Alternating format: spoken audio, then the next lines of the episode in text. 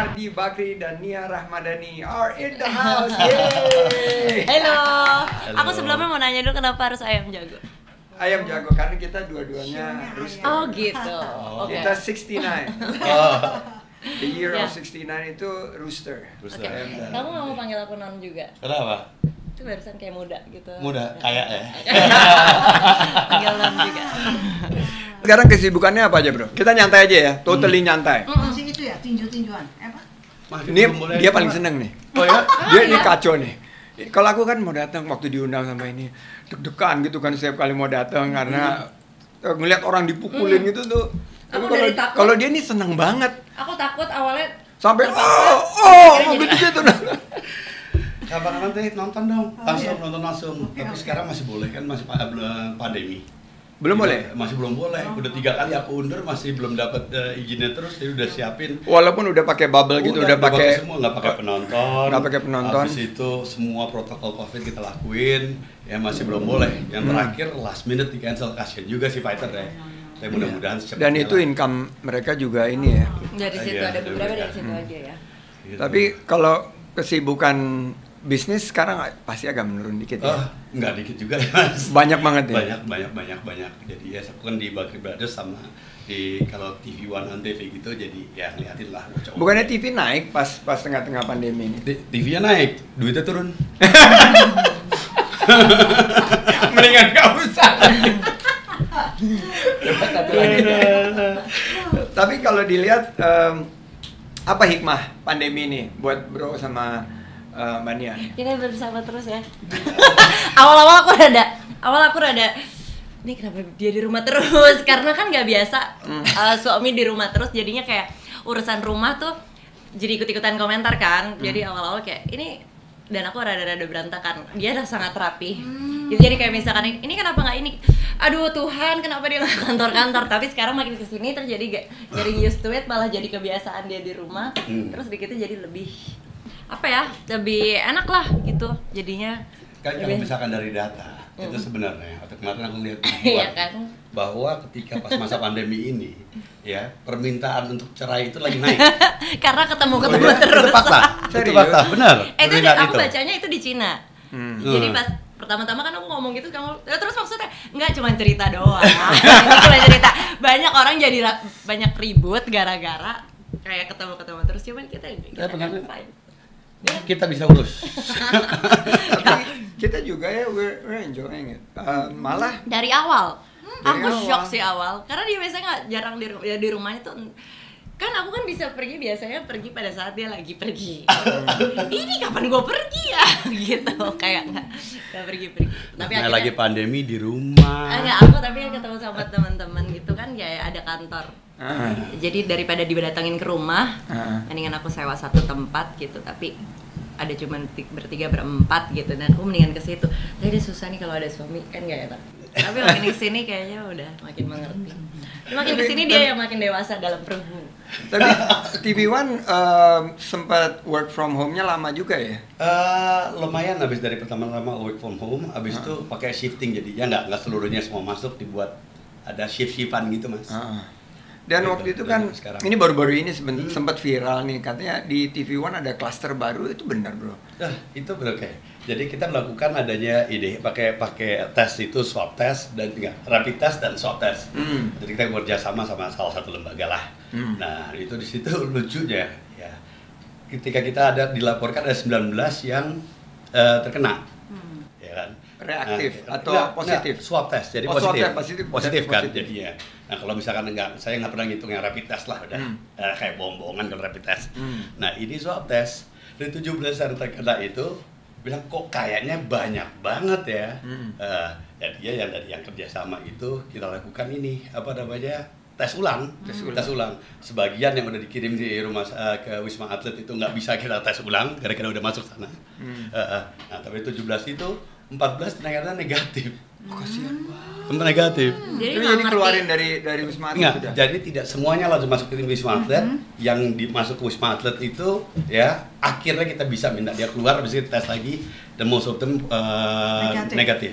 Soalnya kan itu kalau kayak reporter itu di garda depan banget, Mam. Iya, iya, Ah. karena mereka Dia ketemu sama Betul. masyarakat kan betul, kasihan. Betul, kasihan. Di Nah, saat jadi- di saat apa orang disuruh di rumah dia malah kita suruh berita Iya, untuk kita. betul. Itu benar. Iya, dan ya alhamdulillah ya berarti nggak Alhamdulillah. nggak ada apa namanya nggak ada klaster baru ya. Alhamdulillah enggak. Kalau penambahan dari yang sebelumnya jawabannya iya. Tapi kalau Hmm. kelas baru alhamdulillah enggak. Habis itu kemarin juga ada apa namanya bagian apa kita lakuin sidak dan dibilang enggak, enggak bukan di sini. Tandanya emang ya berita biasalah banyak yang Ya, Ya. Ya aku dengar nggak. Mas Toto sih kasih apa klarifikasi waktu itu. Ya. Hmm, hmm. Jadi balik lagi nih pas di rumah nggak nggak ada sempet argumen gitu pernah nggak ada argumen. Kamu ke kantor aja gitu. Kamu counter aja. Enggak, tapi aku punya jadi ada ruangan sendiri.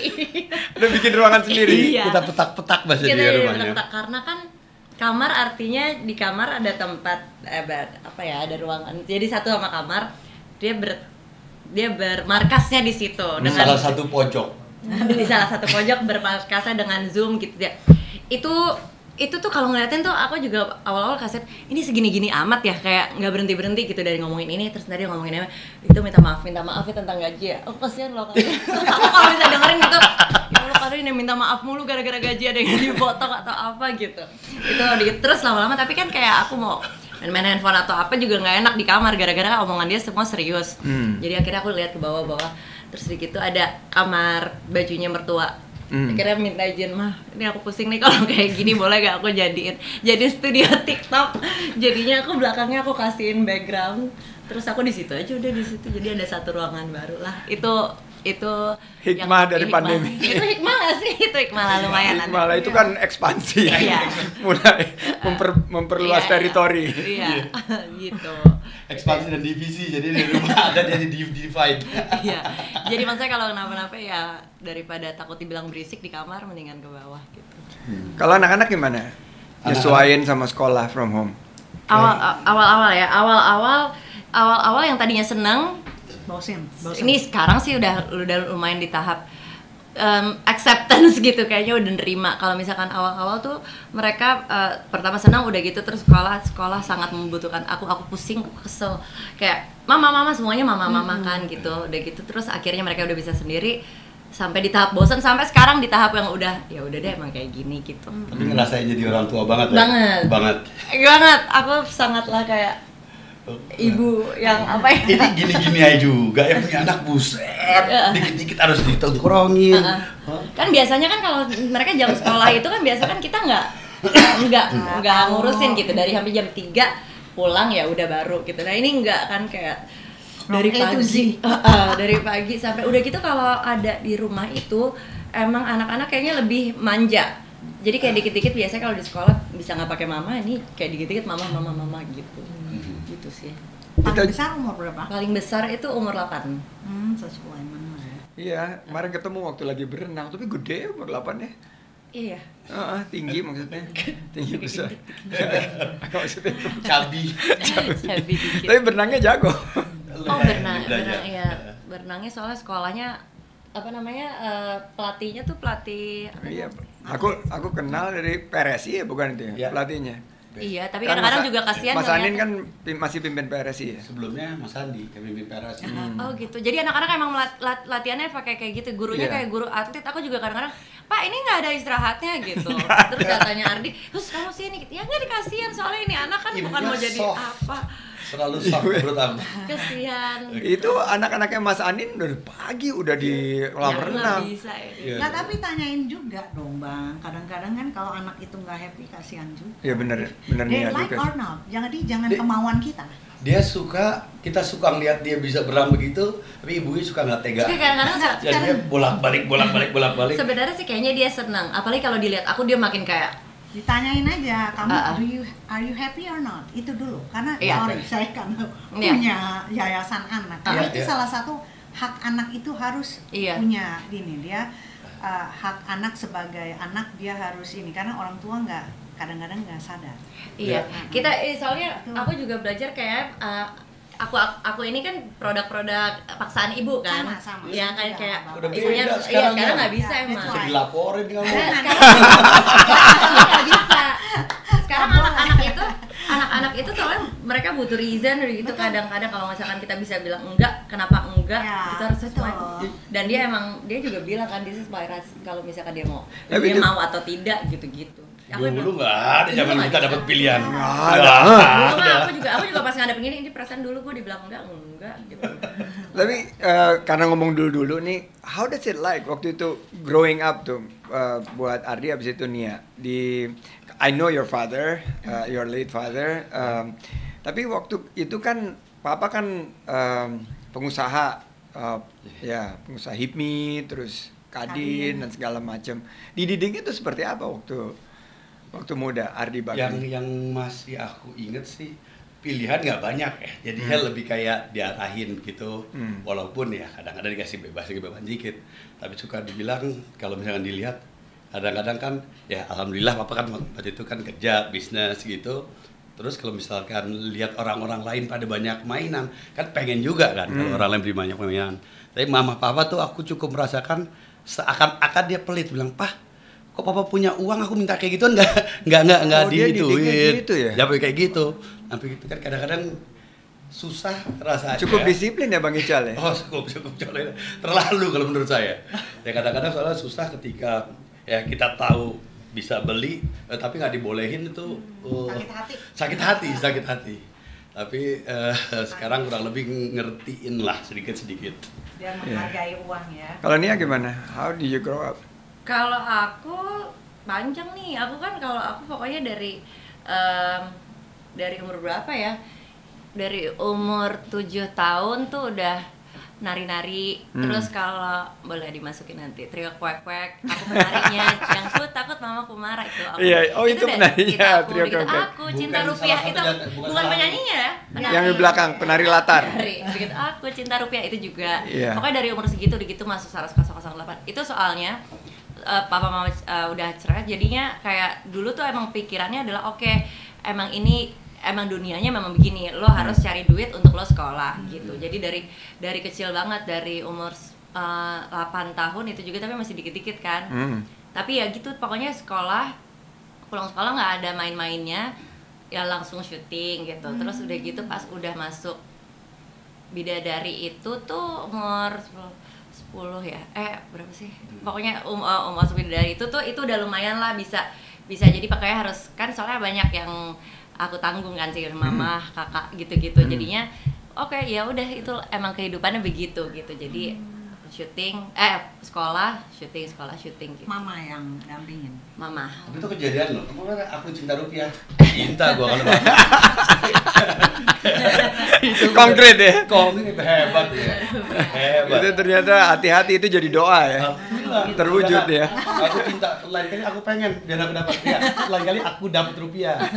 amin Tapi ini bisnis juga ya. Selama pandemi ini eh, yang tadi berempat sama teman-teman itu oh eh, ya aku tuh lagi mau bikin adalah satu produk cuman belum eh, mungkin ntar akhir tahun gitu Mau launching. mau, eh, mau launchingnya terus udah gitu belakangan baru bikin yayasan Hmm. gitu dari dulu sih pengennya bikin yayasan cuman ini sekarang karena aku ngerasanya kayaknya kalau sekarang sih memang aku kan dari hidupnya dari suami. Jadi tapi aku ngerasa kayak ini apa yang aku punya sama apa yang aku bisa kasih manfaatnya kayaknya kok manfaatnya cuma lingkup keluarga aja. Aku ngerasanya kayaknya apa yang aku dapat dari Tuhan tuh harusnya lo tuh bisa bermanfaat lebih besar lagi loh gitu. Masa ya gini-gini doang.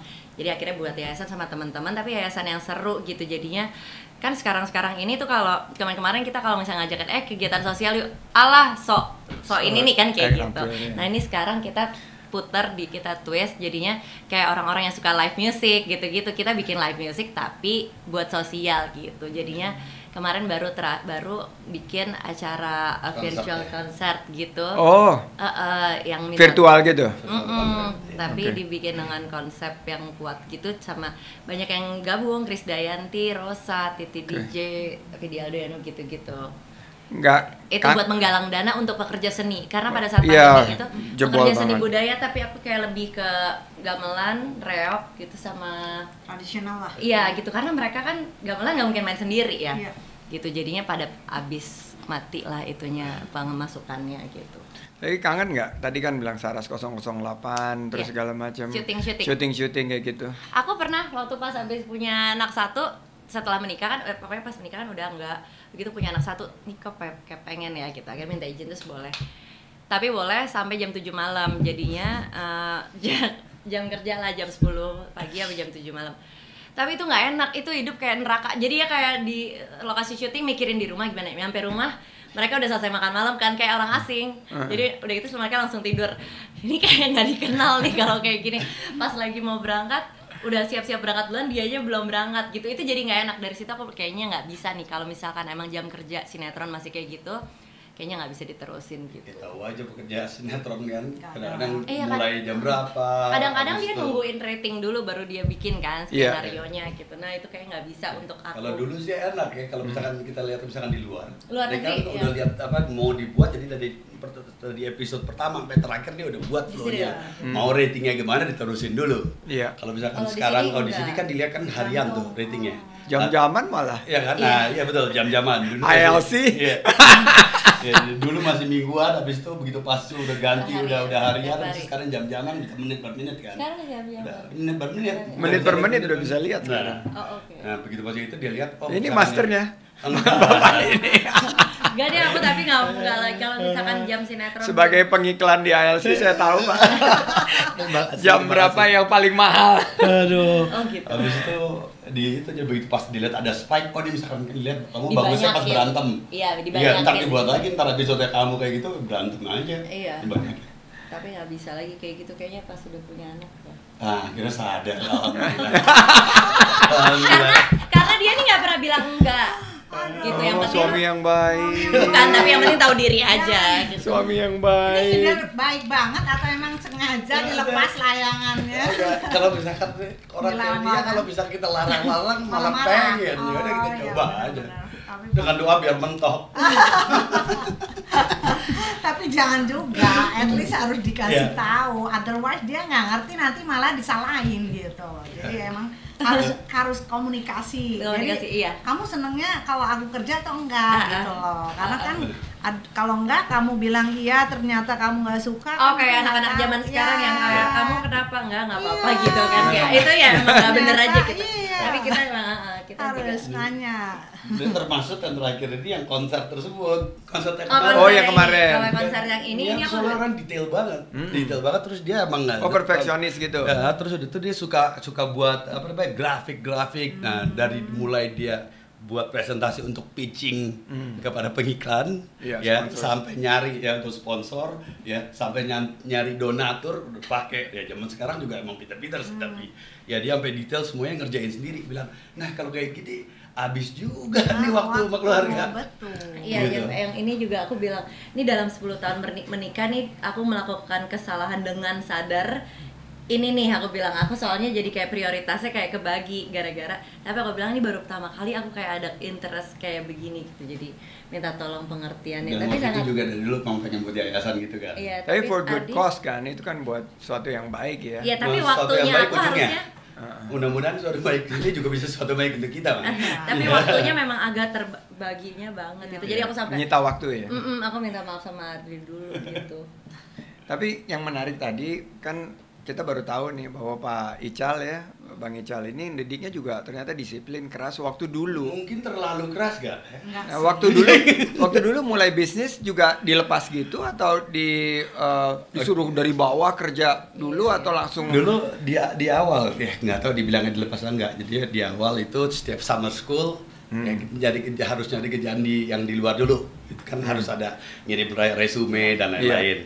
Nah udah gitu begitu balik wah alhamdulillah selesai balik nih. Hah.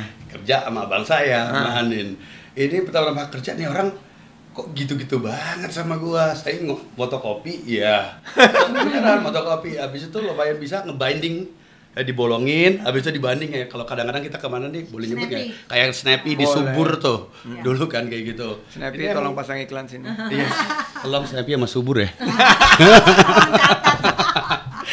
iya, kayak gitu terus ya bilang emang gini-gini banget. Habis itu ya, ya akhirnya ya lumayan painful waktu itu bilang ini bukan perusahaan-perusahaannya dia, kok dia tega banget sama gua sih. Iya. Tapi Tapi ternyata memang itu itunya dari bawah ya, jadi kita ngerti ya. ngerti ujungnya tapi waktu pada saat lakuin ya teh, pasti agak-agak kok tega eh, sadis tega, gitu sama tega. adiknya sendiri juga sama abang Tapi waktu sebagai anak owner gitu terus kerja sama abang sendiri, kalau gagal itu waktu itu dibilang salah lo gitu loh, mesti Iya. perbaikin gitu. Nah, sebenarnya kalau misalnya kayak gitu, jadi kan salah salah dalam ngerjain itu ya, Hmm. bukan dulu waktu itu belum ada ke- ke- bisa belum bisa ngambil keputusan sendiri. Iya. Eh kalau misalkan ternyata keputusan besarnya salah, ya salah dia. Ah. Ya, tapi kalau misalkan cuman eh, binding sama fotokopi di awal, alhamdulillah lumayan expert sih mas. Nggak banyak salah ya. Nah, tadi pengen nyentuh One Pride MMA nih, UFC-nya Indonesia luar biasa ya. Makasih. Eh, dan saya lihat antusiasmenya besar banget. Dan dulu saya pernah di sebetulnya eh, pernah di approach oleh salah satu kompetitor dan ternyata eh, Ardi malah bikin sendiri gitu loh dan sudah bikin federasinya juga. Visinya dari mana mulainya gitu loh? Nah, sebenarnya dari kan emang suka sebenarnya suka aku suka lihat UFC waktu dulu dari Hmm. dulu emang suka lihat UFC. Nah habis itu yang waktu itu ada komputer masuk lihat habis itu nawarin harganya eh mau nggak masuk Hmm. harganya mahal banget. Ini yang dia mahal ini dia jual nama atau gimana? Jualnya namanya mirip lagi. Iya, iya, kan? Nah, mirip kan. Dia jual nama atau gimana? Ya udah deh, kalau mereka ada yang eh, fighter-fighter luar, aku mau fokus aja di Indonesia. Indonesia sekarang berapa populasi? 270 juta. Hmm. Eh, I think that's a big enough market kan Iya. untuk itu. Nah, belum tersentuh dan juga alhamdulillah sekarang bisa berkat dukungan ya semua orang lah bisa bisa lumayan dikenal, bisa membuat apa namanya penghasilan bagi teman-teman fighter juga, pelatih pelatih hidupin industrinya. Ya, mudah-mudahan makin lama makin bagus, makin gede lah mas. Iya. Gitu. Dan, Dan- yang paling yang paling alhamdulillah buat seneng sih ya kadang-kadang ya kita berusaha menciptakan from zero to hero. Iya. Jadi ada fighter kita yang tadinya Iya. bukan siapa-siapa, tadinya yang dari daerah gitu loh non. Eh, dari dari daerah diangkat ceritanya Betul. ya. ini kayak betul. Don King-nya ya Ya, Don King. Don King Kong. Guys, itu Don King itu jadul banget. Sekarang Sorry. Ardi Bakri itu ya, kalau itu yang lahir di bawah tahun 70-an yang tahu Don King. Muhammad Ali zamannya aduh Yang rambutnya kayak troll guys. gitu. Jadi ya. jadi ya. jadi kalau dilihat itu kan yang kompetitor terus UFC billion dollar entity gitu ya. Jadi luar biasa nih kalau misalnya One Pride MMA khas Indonesia itu bisa Amin. jadi uh, unicorn, bisa jadi sesuatu yang besar kan luar biasa banget menurut Amin, mohon doanya, makan mau banyak belajar juga nih dari Mas Andi. Gimana caranya membuat itu jadi unicorn. Jadi, hmm, enak banget. Soalnya sekarang, soalnya sekarang juga orang-orang juga jadi apa namanya ikut klub-klub gini apa namanya. MMA, banyak apa, banget. jadi sesuatu yang bergengsi juga buat mereka kan untungnya juga Gitu. Jadi teman-teman artis kalian tolong pada datang juga dong kalau kita undang. pada mau tahu Oh, pada mau ya? iya Jadi yang waktu diundang kali itu, Eh. dia yang pertama kali ngeliat, ikut dong, ikut sana." Itu saya bilang itu keringetnya bisa keluar loh, gitu. Kalau kita duduknya di depan bisa kecipratan. Iya. makin ke sini makin pada eh gue mau nonton gue mau-" yang tadinya awal banget kan kita siapa yang mau nonton gitu ngajak-ngajakin itu sampai sekarang alhamdulillah jadi pada mereka Dan akhirnya itu eh, showbiz ya, jadi entertainment ya. Iya. Ya, jadi sportainment kita bilang. ya. Nah, sportainment ya. Karena- Dan kalau lihat cerita-ceritanya kan ini dia dari mana, dari Iya. bawah membangun zero to hero itu ceritanya itu jadi kayak narasi yang ikut memotivasi banyak eh, saudara-saudara kita di daerah gitu Betul, untuk betul. berlatih ya. Insya Allah, insya Allah. Jadi Ya. Ya, seru makanya mas ya. datang dong kalau diundang, Ya udah, datang dong. waktu itu mau datang terus kita pergi kan Iya, ke iya. Jepang. Udah pas banget. Eh, itu bareng mau bareng Pak Prabowo waktu itu kita betul betul betul sering sering juga udah Pak Prabowo dia beliau itu kalau di eh, organisasinya ya di kobinya itu beliau kan ketua dewan pembina kan Oh, dia di kobinya juga. Ketua Oh, dia Dewan kan Pembina. banyak juga yang silat ya. di silat Si- Ya. yang silat yang masuk ke One Pride MMA juga banyak. ada ada jadi ada beberapa orang dan dan pinternya sekali. Ya ini satu orang ini itu kalau dia bertarung dia juara juga sebagai juara juga. Ya ditanya disiplinnya apa silat silat kan banyak pendukungnya.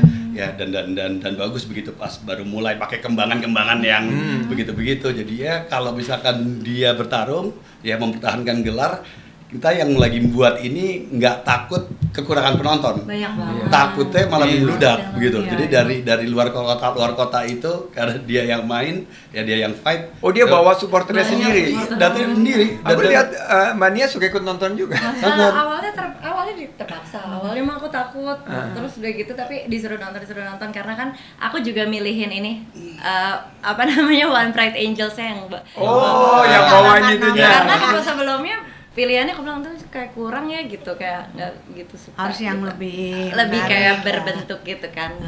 Jadi aku milih-milih milih gitu baju-bajunya sama milih apa namanya ring announcer Iya, lah iya, Gitu. Jadi ini udah jadi industri ya, udah ada sports, ada IO-nya, ada ada semacam Hmm, eh, apa ada One juga. Pride Angel ya, One Pride Angel ada ya. koreografernya juga. Jadi, Jadi ini- bawa dia sebenarnya mas pinter-pinter kita sebagai cowok. Kalau misalkan enggak, ya ntar tiba-tiba ada itu, ntar jelas. mendingan, mendingan silahkan aja milih. Harus harus jealous mbak ah jangan jangan jangan jangan nggak boleh gitu Aku beneran deh soalnya pernah. pede sekali mbak. Oh. Jadi nggak kayak ya udah terserah emang ya jangan jangan pernah nggak boleh maksudnya jealous itu perlu karena itu sebagai tanda kasih sayang tapi Iya. yang Tapi maksudnya tidak- pada batas-batas tertentu Oke, gitu oke. ngomongnya rapi banget. Heeh, iya. karena zaman sekarang Iya. tahu sendiri ya Tapi mungkin artinya ya cool cool aja tapi menurut kan- aku soalnya it takes two to tango kalau misalnya ceweknya ngapa-ngapain dia yang kamu nggak akan jadi apa iya justru makanya Iya. kalau ceweknya seapapun juga kalau sampai kejadian lu juga mau gitu Ya, Ya dipepet terus ya. akhirnya gua nggak kuat juga Tapi balik lagi ke One Pride MMA ini, um, end game-nya apa nih? Um, kepada satu the business itself, the industry, dan juga kepada sportsnya. Ya sebenarnya yang yang gue pengen sih ya setelah kita ya MMA itu di Indonesia kan kalau sekarang ini atau sebelum ada One Pride itu pernah udah udah mulai juga ada MMA ya tetapi banyak atlet-atlet itu yang nggak tahu lagi mau tempat apa namanya kejuaraannya itu nggak nggak berlangsung terus Hmm. ya on off on off ya. udah gitu ya Indonesia itu belum terlihat eh, besar untuk MMA-nya di mata luar jadi banyak sih mereka yang beberapa yang yang keluar negeri gitu Hmm. tapi banyak mereka yang keluar negeri itu di, di tandingan di sana untuk untuk kalah gitu jadi ya untuk orang orang lain menang jadi kalah gitu bukan Oh. gara-gara kehebatannya Iya, nah iya. niatnya itu supaya eh, kita bisa pokoknya intinya memberikan mereka karir pet juga bisa sampai keluar atas, juga keluar, Eh, ya. eh, oleh karena itu kita mencoba melakukan satu pendekatan pendekatan dengan promosi di luar juga kan kasihan kalau di Indonesia aja Iya. Eh, jadi dia bisa dan mudah-mudahan bisa berprestasi ya Di luar juga. buat Jadi kalau Kobe juga. ini tuh kayak PB gitu ya? ya Kobe itu sekarang itu dia profesional Oh profesional. profesional di bawahnya Bopi Di bawahnya Bobi. Ada yang amatirnya juga nggak? amatirnya sekarang dapat kita lagi mencoba membuat ya membuat itu eh, namanya keluarga olahraga bela diri Indonesia Oke. ya itu dari bawah nih tetapi si Kobe ini sebenarnya sudah menjadi anggota tetap eh, International Mixed Martial Art Federation itu Oke. kayak kalau misalkan di bola kayak FIFA-nya Oke, FIFA-nya. FIFA-nya eh, Indonesia udah menjadi anggota tetap waktu Hmm. tahun lalu sempat kita udah bawa walaupun belum mendapatkan prestasi ya udah bawa lima fighter kita membela nama Indonesia ke apa World Championship Oke. gitu dan dan eh, pengalaman lah Iya. ya siapa pun itu nanti yang menjadi apa namanya anggota KONI ya kan kita lihat soalnya ada juga organisasi lain yang lagi mendaftar Hmm. menjadi ke KONI eh, menjadi apa anggota KONI kalau amatir kan di bawah KONI Hmm. ya tapi siapa pun itu ya asal yang terbaik untuk Indonesia ya kita lakukan mau mau itu ada di bawah KOBI atau di bawah organisasi lain karena di bawah KONI kan cuma boleh satu Satu, eh, cabang olahraga. eh, cabu- eh, apa itu amatir yang Iya. biar nggak bingung juga Karena kalau campuran Iya. bingung juga ya. Iya betul betul. Jadi ya ya ya kita coba konsolidasi tapi ujungnya apa yang terbaik untuk Indonesia lah untuk fighternya Iya. ASEAN. Jadi menciptakan lapangan kerja juga Insya ya. Allah. Nah kalau lapangan kerja itu kita masuknya ke profesionalnya. Oh, Ya kan? profesionalnya. Ya, kalau misalkan itu ya lapangan kerja dapat uang saku kalau misalkan bisa koni kan. Heeh. Nah, tapi kalau misalkan ini lapangan kerja, kalau saya melihatnya lebih dari mudah-mudahan akan banyak timbul buat pride lain, Mm. ya sehingga semakin banyak bisa menyerap atlet-atlet ini dan juga kan banyak sekarang ini jagoan tapi berantemnya di jalan bahaya tuh. Ini kalau berani bener berantemnya di ring gitu ya. Kasih aja dikasih Kasih ring. aja. Ya non, mau kita doain deh supaya One Pride MMA jadi Terima kasih. unicorn terus naik terus Amin, itu cecing amin. cecing kan. Amin, amin. Melimpahnya ke sini juga. Aku baca berita sebelum Iya. Bro Ardi datang. Kemarin habis ketemu Menteri eh, Tenaga Kerja ya, Iya. Mbak Ida Fauziah, bahas eh, prakerja. Nah, ini menurut Bro bagaimana nih program eh, dengan segala pro and cons-nya?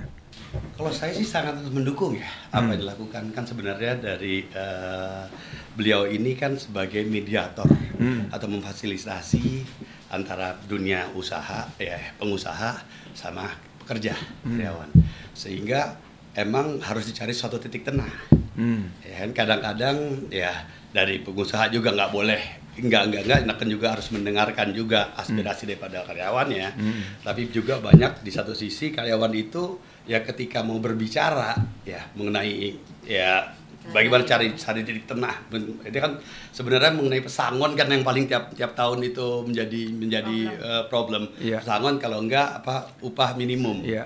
ya kan nah jangan lupa bahwa Biasanya ketika upah- THR, upah minimum. Betul, dan itu kan biasanya kalau misalkan upah minimum tuh naik terus tiap tahun. Iya.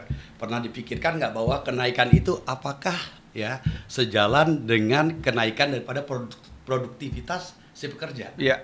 Ya sebagai ya pengusaha kita harus memikirkan itu juga dong. Iya. Yang masa upah naik terus tapi lu nggak efisien ya susah juga. Iya. Nah, gitu-gitunya yang yang yang yang saya sangat mengapresiasikan. Mudah-mudahan nanti uh, terjadi titik temu dan saya yakin sebentar lagi terjadi titik temu karena niatnya kan bagaimana sama-sama ya mencari titik tengah ketika ada timbul suatu masalah.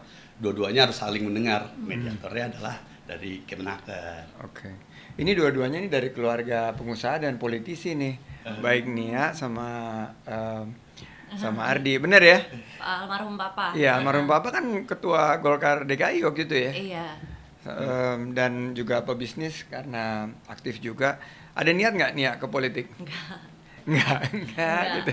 Enggak. Belum Awalnya aja ah, belum tahu Iya, nggak tahu nanti kalau ya? digerak never know kalau digerakkan Mulai oleh enak. Tuhan aku nggak tahu Ah, juga. Ya, kan politik itu sebetulnya tergantung niatnya. Kalau kita mau nolong orang, emang harus Betul. lewat politik. Sebelumnya not, ya gitu. Jadi sebelumnya tuh aku udah sangat enggak karena karena menurut aku nggak tahu deh oh, nggak tahu deh ngeri aja gitu ngelihat orang ini nggak tahu nih yang mana teman mana enggak sih nah gitu kadang bingung gitu dari situ tapi makin ke sini nggak tahu deh ntar kalau jangan deh nggak tahu deh.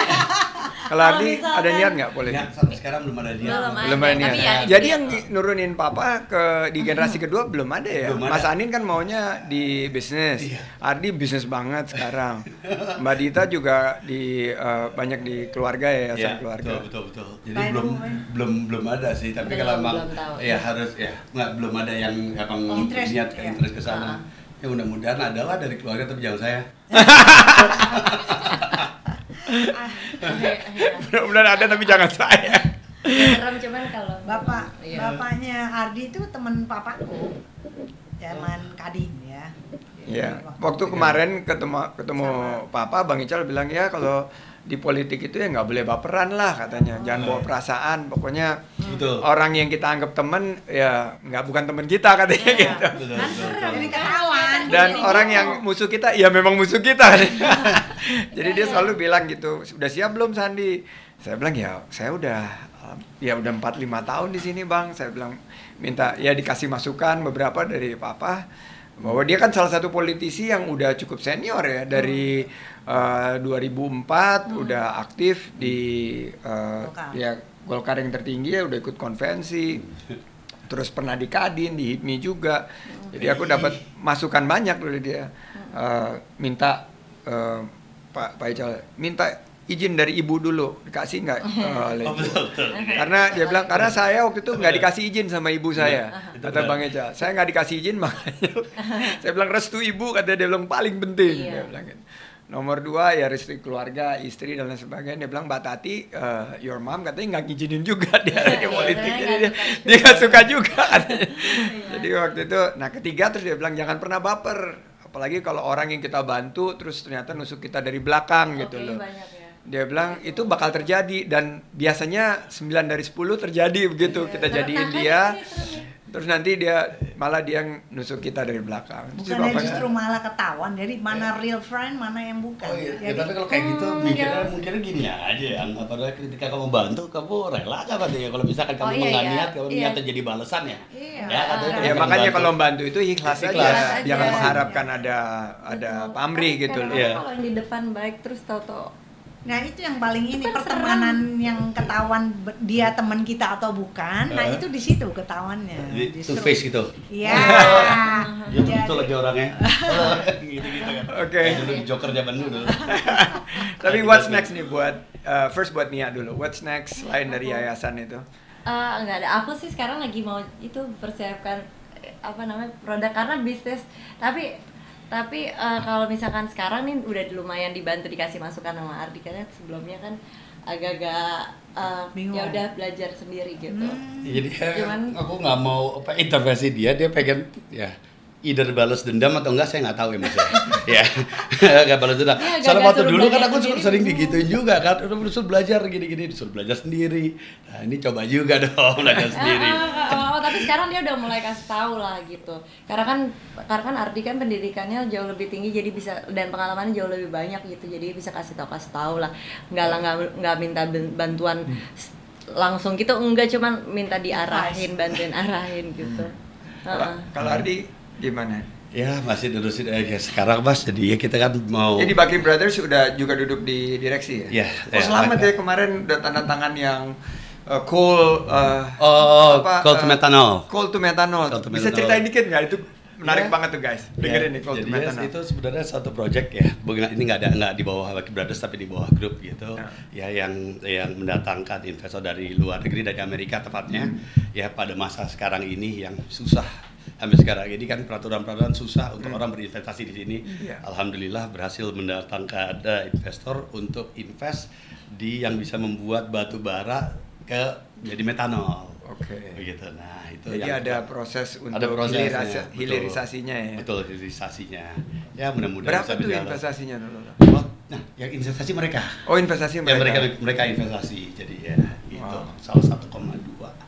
1,2 miliar dolar guys. Itu nolnya banyak banget guys.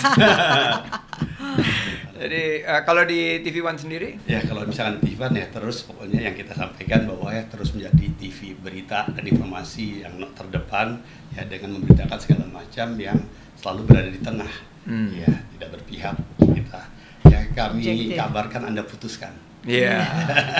Ya, kita banyak banget sih terima kasih banget sama TV One Terima karena karir kita di Bantu. eh, banyak sekali dibantu dengan tidak berpihak itu selalu ada di tengah Bagus. eh, menyampaikan eh, Kebenaran. dan- ya dan kemarin ini kita keliling-keliling untuk COVID-19 juga TV One selalu support senang banget kita Terima kasih. nah ini aku ada di list ini tapi harus nanya nih untuk Nia Eh, ini hobinya Nia tentang buka salak ini Hah? Buka salak. udah bisa nggak buka salak Hah, emang kenapa?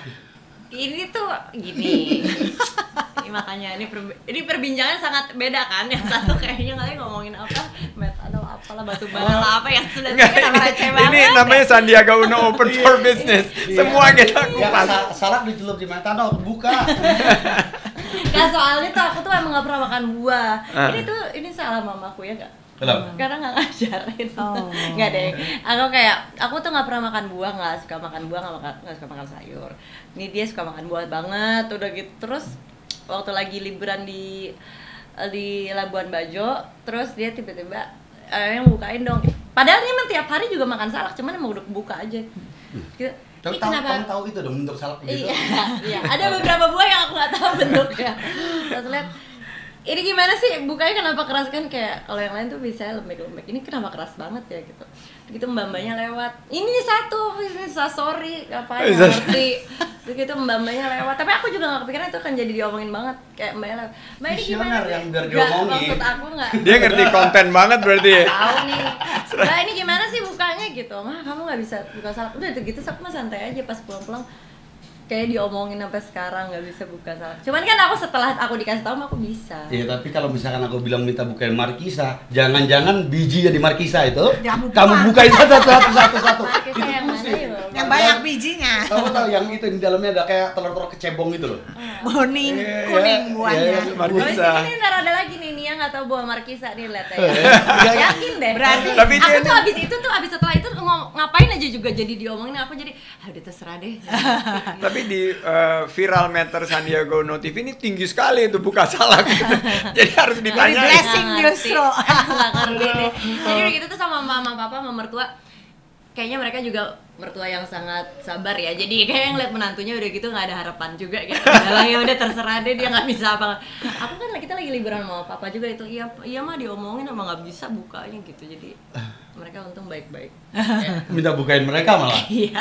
Oke guys, terakhir nih ini untuk penutup. Thank you for your time. Tapi kasih, Mas, minta pesan buat anak-anak muda, both from first RD terus setelah itu Nia. Oh. Buat anak-anak muda. apa ya kalau misalnya kita kayak udah sukses udah itu bisa ngasih pesan mungkin sesuatu yang kita sharing jadi ya jangan pernah nyerah ya anda tidak pernah mungkin bisa sukses kesuksesan itu lebih banyak daripada kejatuhan ya jadi kejatuhan selalu lebih banyak baru sukses jadi ya nggak ada jalan singkat untuk sukses ya ketika anda jatuh harus bangun lagi nah itu mungkin yang pernah Jangan diajarkan ke saya jangan pernah nyerah ya untuk sukses ya nggak ada jalan pintas Oke. Harus Bang. Ical suka nonton vlog kita juga katanya dia bilang Oh, iya. keren konten-konten kita. Oh, oh gitu. Jadi itu pesan dari Anandanya Bang Ical. Mbak Nia, Kalau buat aku mungkin karena emang aku sekarang lagi fokus juga di yayasan buat anak-anak muda kayaknya jangan pernah nunggu sampai besar untuk mulai untuk membantu Eh, mulailah sekarang karena kalau bukan kita terus siapa lagi gitu. Wow, thank you very much, Eh, Non. Kita kedatangan berkah ini, eh, Mas Ardi sama Mbak Nia. Ya, Thank you for coming kasih. to Terima kasih. Sandiaga Uno Open for. Business. Sampai jumpa di episode selanjutnya. sukses terus Thank you guys. Terima kasih, Mbak.